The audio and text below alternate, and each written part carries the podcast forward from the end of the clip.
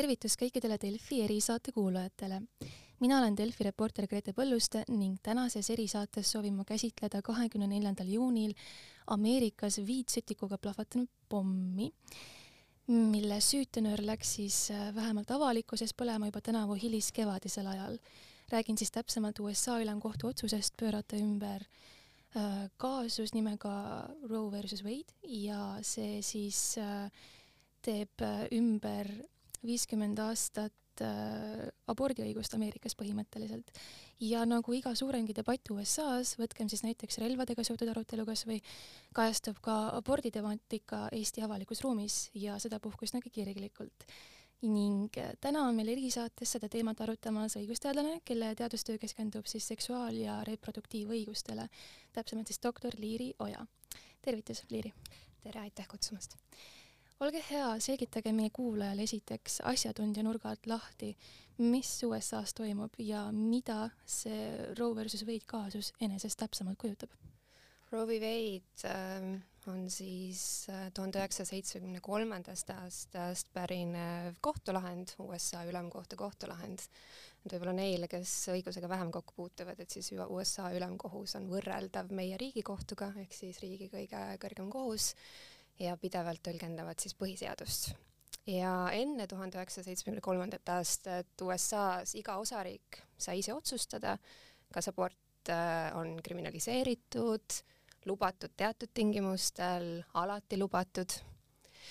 ja siis tuhande üheksasaja seitsmekümne kolmandal aastal äh, ülemkohus leidis selles kaasuses, et äh, abort, abordiõigus tuleb USA konstitutsioonist ehk siis USA põhiseadusest ja sidus selle siis eraelu kaitsega. ja pärast seda väga paljude osariikide seadusandlus, mis siis näiteks kriminaliseeris aborti, muutus kehtest-, kehtetuks, eks põhiseadusevastaseks. ja, ja see oli esimene kord, kus siis selliselt üle, üle kogu USA kõikidele osariikidele mm, siduva otsuse tegi, tegi ülemkohus. ja just see, et seoti abort äh, konkreetselt põhiseadusega et äh, nüüd kui noh, natuke mõelda Eesti-USA peale, et see õigussüsteem on nii erinev, et Eestis äh, jah, loomulikult Riigikohtu lahendid on siduvad ja, ja me vaatame, mida Riigikohus kuidas on tõlgendanud, aga enamik põhimõtteid, millest me lähtume, tulevad ikkagi seadusest, ehk siis me oleme kodifitseerinud need. USA-l on siis sellise common law ajaloo ja süsteemi tõttu äh, Äh, pretsedendiõigusel hästi-hästi suur kaal. ja jah, ja siis tuhande üheksasaja seitsmekümne kolmandast aastast, äh, see nüüd muidugi kõik need aastad ei ole tähendanud seda, et abort on olnud igas osariigis äh, alati kättesaadav äh,. et, et kahjuks, kahjuks ei ole nii olnud, et see oli küll oluline otsus, see muutis palju aga kuna USA-s on ajalooliselt juba enne selle otsuse ajal ja ka praegu olnud väga tugev abordivastane liikumine, väga organiseeritud äh, vabakond selles osas, äh, poliitikud, siis kohe hakati otsima võimalusi, kuidas, kuidas seda, seda ülemkohtu otsust tõlgendada nii, et abort ikkagi oleks võimalikult raskesti kättesaadav. Ja, ja seda on tegelikult äh, kui vaadata perioode, mis toovad meid tänasesse päeva, siis on see läinud selles mõttes hullemaks kogu aeg, ehk siis kuigi jah, loomulikult see nüüd see kahekümne neljanda juuni otsus äh, on frustreeriv lugemine, on halb uudis, siis tegelikult spetsialistide jaoks, ka USA enda vabakonna jaoks ei ole see üllatus, et selles suunas on tegelikult kogu aeg, kogu aeg liigutud. Teie kui õigusteadlane, milline on hinnang siis sellele otsusele või no selle teksti sõnastus, argumendid, mida ülemkohus on kasutanud, et äh, kuidas te hindate seda inimõiguste vaatevinklist ka? No inimõiguste jaoks on see väga halb otsus, et äh, kui, kui jätta selline kehalist autonoomiat äh, puudutav küsimus osariikide otsustada ja mitte seostada seda kõige olulisema, riigi kõige olulisema õigusallikaga, milleks on siis USA põhiseadus, siis nõrgendab, nõrgendab kaitset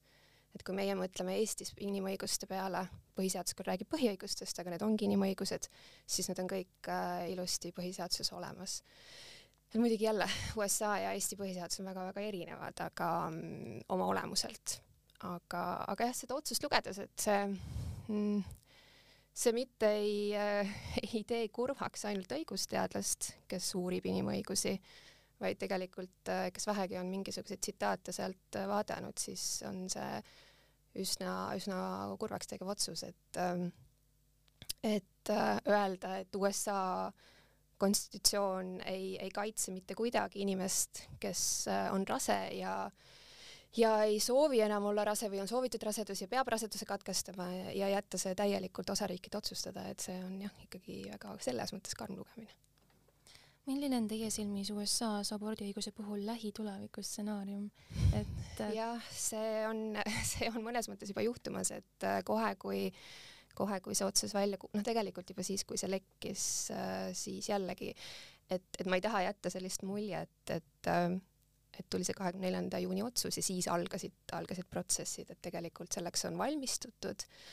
sest jällegi äh, erinevalt Eesti Riigikohtust äh, USA ülemkohtu puhul äh, see kohtunike meelsus või ideoloogia on, on väga oluline ja kohus äh, ma võin siin võib-olla natukene eksida, aga ei ole olnud kunagi nii konservatiivne ja see konservatiivne tiib ei ole olnud kunagi nii, ütleme, avalikult konservatiivne. et need äh, Donald Trumpi määratud kolm kohtunikku juba oma määramise ajal mm, äh, tegelikult ütlesid, et jah, et, et nad on abordivastased, kui Roe v Wade'i ümber, ümberlükkamine tuleks päevakorda, et siis nad oleksid sellega päri ehk siis äh, see selles mõttes oli, oli tegelikult äh, oodatud,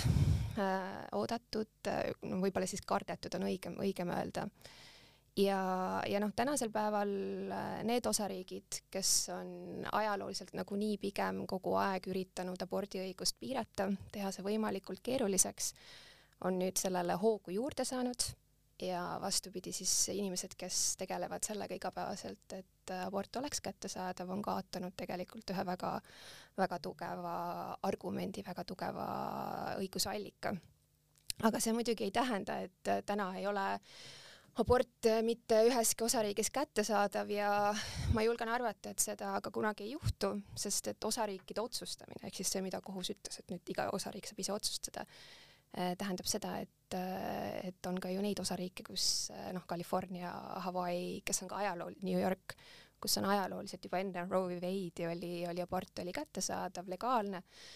väga paljud osariigid on pannud abordiõigus enda konstitutsioonidesse ja, ja need sellised piiravad erinevad regulatsioonid peavad sageli nüüd läbima äh, osariigi kohtu, kohtusüsteemi. ehk siis, et see, millise tulemuseni me jõuame, mm, seda näitab aeg ja, ja noh, et, et loomulikult, et praegu räägitakse erinevatest numbritest, et äh, pooltes osariikides äh, abort ei, ei ole varsti enam kättesaadav või siis ütleme kolmandikus, aga kolmandik on ka neid osariike, kes astuvad äh, tänasel päeval, juba on astunud ja astuvad tänasel päeval samme, et, et see ilusti oleks kättesaadav aga kas võib juhtuda näiteks, et tekib mingisugune uus kaasus, millega oleks võimalik seda Roe versus äh, Wade mõju korrata? kohtu koosseis äh, jääb ju samaks, et kui see kaasus isegi jõuab, siis järgnevate aastate jooksul need, need kolm väga konservatiivset kohtunikku on ka üsna noored ja kohtunikuamet on eluks ajaks, nii et, et selles mõttes Äh, ma ei ole, ma ei saa kindlalt väita, aga, aga pigem on see vähetõenäoline, millest praegu räägitakse, on, on võimalus, äh, võimalus äh, teha ikkagi, kodifitseerida abordiõigus ja panna see siis föderaalseadusesse, ehk siis see kehtiks kõikidele osariikidele. Aga jällegi, see ei ole nii selline paari, paari kuu või paari nädala protsess, et et, seda me näeme, näeme veel järgnevste, järgnevate aastate jooksul. ja need osariigid, kus see abordi nii-öelda keeld või siis väga-väga-väga range nagu variant teha aborti, et kui see nagu jõustub, siis kas ongi tulnud selleks, et jääda nagu näiteks meie eluajaks põhimõtteliselt?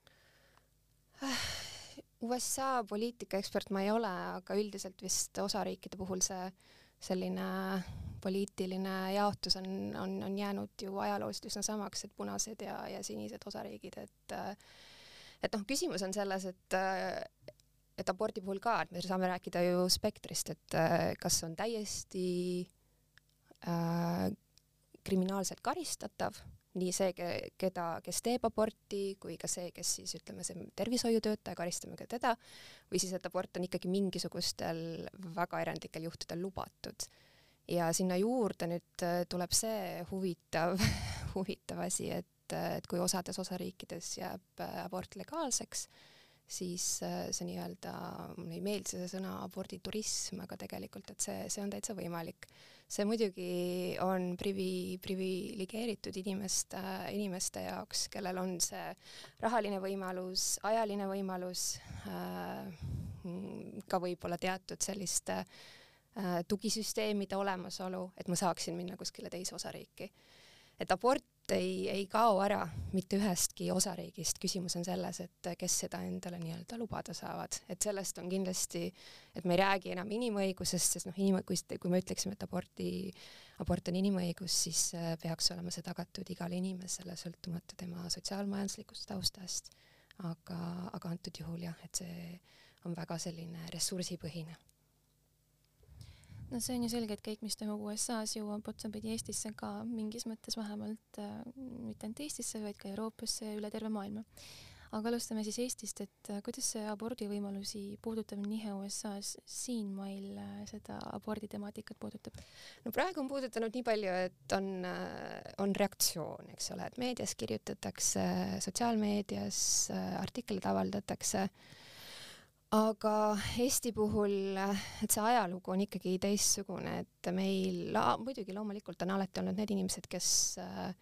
ise ütlevad, et nad ei teeks kunagi aborti, ükskõik, ükskõik, mis need siis äh, põhjused on või ei ole äh,. siis on need inimesed, kes ei taha, et teised inimesed teeks aborti, need on ka alati Eesti ühiskonnas eksisteerinud. aga samas äh, juba Nõukogude okupatsiooni ajal oli abort oli Eestis, äh, Eesti territooriumil, oli legaalne ja kättesaadav, no ka sellel põhjusel, et see oli ainuke rasestumisvastane vahend, et toona, toona selliseid antibeebipille üldse, need olid lääne asjad ja need siia, siia neid ei, ei toodud. Mm, ja pärast iseseisvuse taastamist äh, meil on meie abordiseadus, äh, noh, raseduse katkestamise seadus on ta siis tegelikult tuhande üheksasaja üheksakümne kaheksandast aastast on kehtinud väga palju ei ole muudetud siin kahe tuhandete alguses äh, korraks äh, oli seal selline halb säte sees, et kui inimene on alaealine, et siis ta vajab vanema nõusolekut. Äh, õnneks, õnneks see võeti paari, paari aasta jooksul ilusti välja. et meid Eestis selles mõttes kaitseb ilusti see päris hästi toimiv abordi, abordiseadus, lisaks see, et jälle meil on põhiseadus, kus ei ole küll mainitud sõna abort aga, aga inimõigused äh, on seal selles mõttes, et aborti ei peaks seal olema mainitud selleks, et öelda, et äh, abordi, abordiõigus on, on kaitstud ka põhiseadusega. noh, ja lisaks siis Eesti on seotud loomulikult rahvusvaheliste inimõiguste kaitsekonventsioonidega, et, et see ka ilusti mõjutab. aga muidugi noh, et äh, sellised, kuna need jõud on olemas igas riigis, et siis tuleb olla tähelepanelik, et, et see alati ei pruugi tähendada seda, et me jõuame kohta, kus abort täielikult kriminaliseeritakse, aga et seda tehakse, ütleme selle kättesaadavust mõjutatakse, rahastust, et praegu on ta ikkagi kõikidele inimestele ka rahaliselt äh, kättesaadav, aga, aga et on olemas ka Eestis ju need jõud, kes, kes tahaks seda muuta, nii et ühel või teisel moel tuleb seda teemat jälgida loomulikult kas ka Eestis on kunagi näiteks võimalik, et siinsetel naistel tuleb äh, tulevikus näiteks sedasama aborditurismi praktiseerida, kas või noh, Poola näitel põhimõtteliselt? no ma loodan, et mitte ja praegu, kui vaadata, ütleme selliseid erinevaid elemente, mis selleni võiksid viia või mitte, et siis äh, pigem on vastus ei, et meil on neid äh, institutsioone, kes kaitseksid ilusti kehalist puutumatust ja iga inimese õigust otsustada, kas olla rase või mitte rase, et et, et ma arvan, et kui ka selline seaduseelnõu oleks Riigikogus, et siis see leiaks väga palju vastukaja ja, ja et, et see oleks ka põhiseadusega vastuolus, nii et, et ma, ma nagu tänasel päeval seda, seda ei karda, pigem mitte, jah. Kui laiemalt Euroopast rääkida, siis äh, Poola ja Malta on näiteks äh, oma väga rangete äh, abordi äh, võimalustega või seadustega silma paistnud ja seetõttu ka Euroopa Liiduga näiteks vastakuti läinud, äh, aga näiteks padukatoliiklik Iirimaa, seal on hoopis lõdvenemise suunas olnud need suunad siis põhimõtteliselt. kas te näete abordi teemal lähitulevikus mingeid muutusi ilmnemas Euroopa kandis laiemalt, et millised jutud selles valdkonnas rahvusvahelisel tasandil liiguvad? Euroopas jah, erinevalt, et üks asi on see, et enamikes Euroopa riikides äh, nüüd, kui me normi, normi tasemel vaatame, et siis abort on legaalne, et seda, seda riiki noh, ongi, et Poola ja, ja Malta on need väga-väga äh, siis äh, radikaalsed ja ekstreemsed näited. teistes riikides on ikkagi abort juba ammu dekriminaliseeritud, väga paljudes riikides on ka äh, abordi küsimus jõudnud konstitutsioonikohtutesse, Hispaania, Portugal, ja kus siis on, äh, on äh, kinnitatud, et jah, tõesti tegemist on põhiseadusega, nende siis põhiseadusega kaitstud, äh, kaitstud õigusega. nüüd teine, teine asi on alati see, et et kas see, kas see tegelikult, see tervishoiuteenus on ka päriselt kättesaadav, et kui me võtame näiteks Itaalia, Itaalias iseenesest abort legaalne, aga on väga palju piirkondi Itaalias, kus siis tegelikult äh, seda aborti on päris keeruline, keeruline saada, sest et on tervishoiutöötajad, arstid, kes äh, ütlevad, et nende ideoloogia on, et on see siis religioon, midagi muud, ei luba aborti teha ja keelduvad. ja, ja kuna selline võimalus on seaduses jäetud tervishoiutöötajatele, siis, siis seda ka nad kasutavad. ehk siis jällegi, et, et see, et ühest küljest seadus ütleb, et jah, peab olema, on legaalne, ei tähenda alati, et see on kättesaadav. veel üks näide, Suurbritannia, kus abort on legaalne, aga Põhja-Iirimaa osa siis Suurbritanniast, et seal on, on jällegi peaaegu võimatu aborti, aborti, aborti teha, sest et ei ole lihtsalt neid pakkujaid aga kas on ka võimalik, et see abordi temaatika hakkab Euroopas rohkem seda poliitilist võitlustandrit täitma? kindlasti, et ega see on kogu aeg mingil määral, et see on üks selliseid äh, noh, seksuaalreproduktiivõigused on alati selline teema, mis äh, kõik inimesed arvavad, et äh, võiks sõna võtta, on eksperdid ja justkui on lihtne. Ja, ja noh, kuna see puudutab soolist võrdõiguslikkust, äh, puudutab äh, ühe ühiskonna osa kontrollimist, et siis see on alati, alati selline üks nii-öelda tagataskust võetav, võetav teema ja, ja noh, ta jah, käib niimoodi lainetena.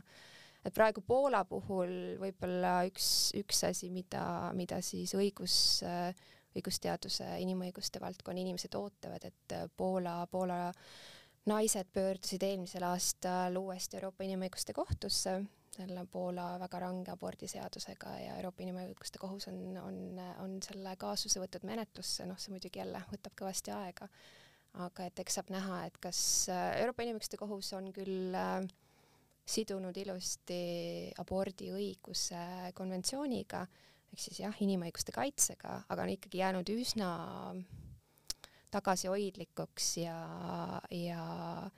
andnud äh, andnud liikmesriikidele selle ka otsustusõiguse, ehk siis saab näha, et, et, et kuidas nüüd selle, selle uue kaasuse puhul Euroopa Inimõiguste Kohus otsustab. et Euroopa Inimõiguste Kohtu kohtunikkonnas on samamoodi erinevate vaadetega kohtunikud, nii et äh, eks, eks ole näha sooviks teiega rääkida ka nendest narratiividest ja nurkadest, mida kõnelusele teemale külge poogitakse. et see abordidebatt on ju mõistagi igakülgselt moraalne ja seetõttu ka väga kirju, sest et eh, neid arvamusi on ju nii palju kui inimesi. ja kui me võtame abordi ümber keelevad arutelud, siis argumentatsiooni tõmmatakse ju noh, näiteks kristlikke arusaamasid, põhiseaduse punkte, moraalselt küsitavaid olukordi, näiteks noh, vägistamine, intsest ja ka inimõigused eraldi ja nii mõnedki on tegelikult ju tõdenud, et abort on valdkond, kus on peaaegu võimatu moraalset õiget vastust leida. ja ma küsiks ka esmalt, et mida teie sellest nägemusest arvate, et kas tõesti paikneb abordi debatt moraalselt sedavõrd sogases vees või siis te näete ikkagi abordi tegemise õiguses äh, sirgjooneliselt moraalset vastust? mina õigusteadlasena, inimõiguste valdkonna spetsialistina moraalist tavaliselt ei räägi, et see on selline nii personaalne küsimus, et äh, et kuna abort, kui me nüüd võtame selle nii-öelda sildi ära ja vaatame, mida see raseduse katkestamine tegelikult, turvaline legaalne raseduse katkestamine kaitseb, kehaline autonoomia mm,, õigus tervisele, sageli on õigus, õigus elule on seal äh, oluline, diskrimineerimise keeld, et, äh, et siis äh, on, need on sellised inimõigused, mille puhul noh, siin ei ole vahet, et milline on inimese see moraalne arusaam, arusaam asjast. Ja ma tavaliselt ütlen päris lihtsalt, et, et kui on inimene, kelle jaoks see on moraalselt vastuvõetamatu, mm, siis äh, ei pea ta aborti tegema.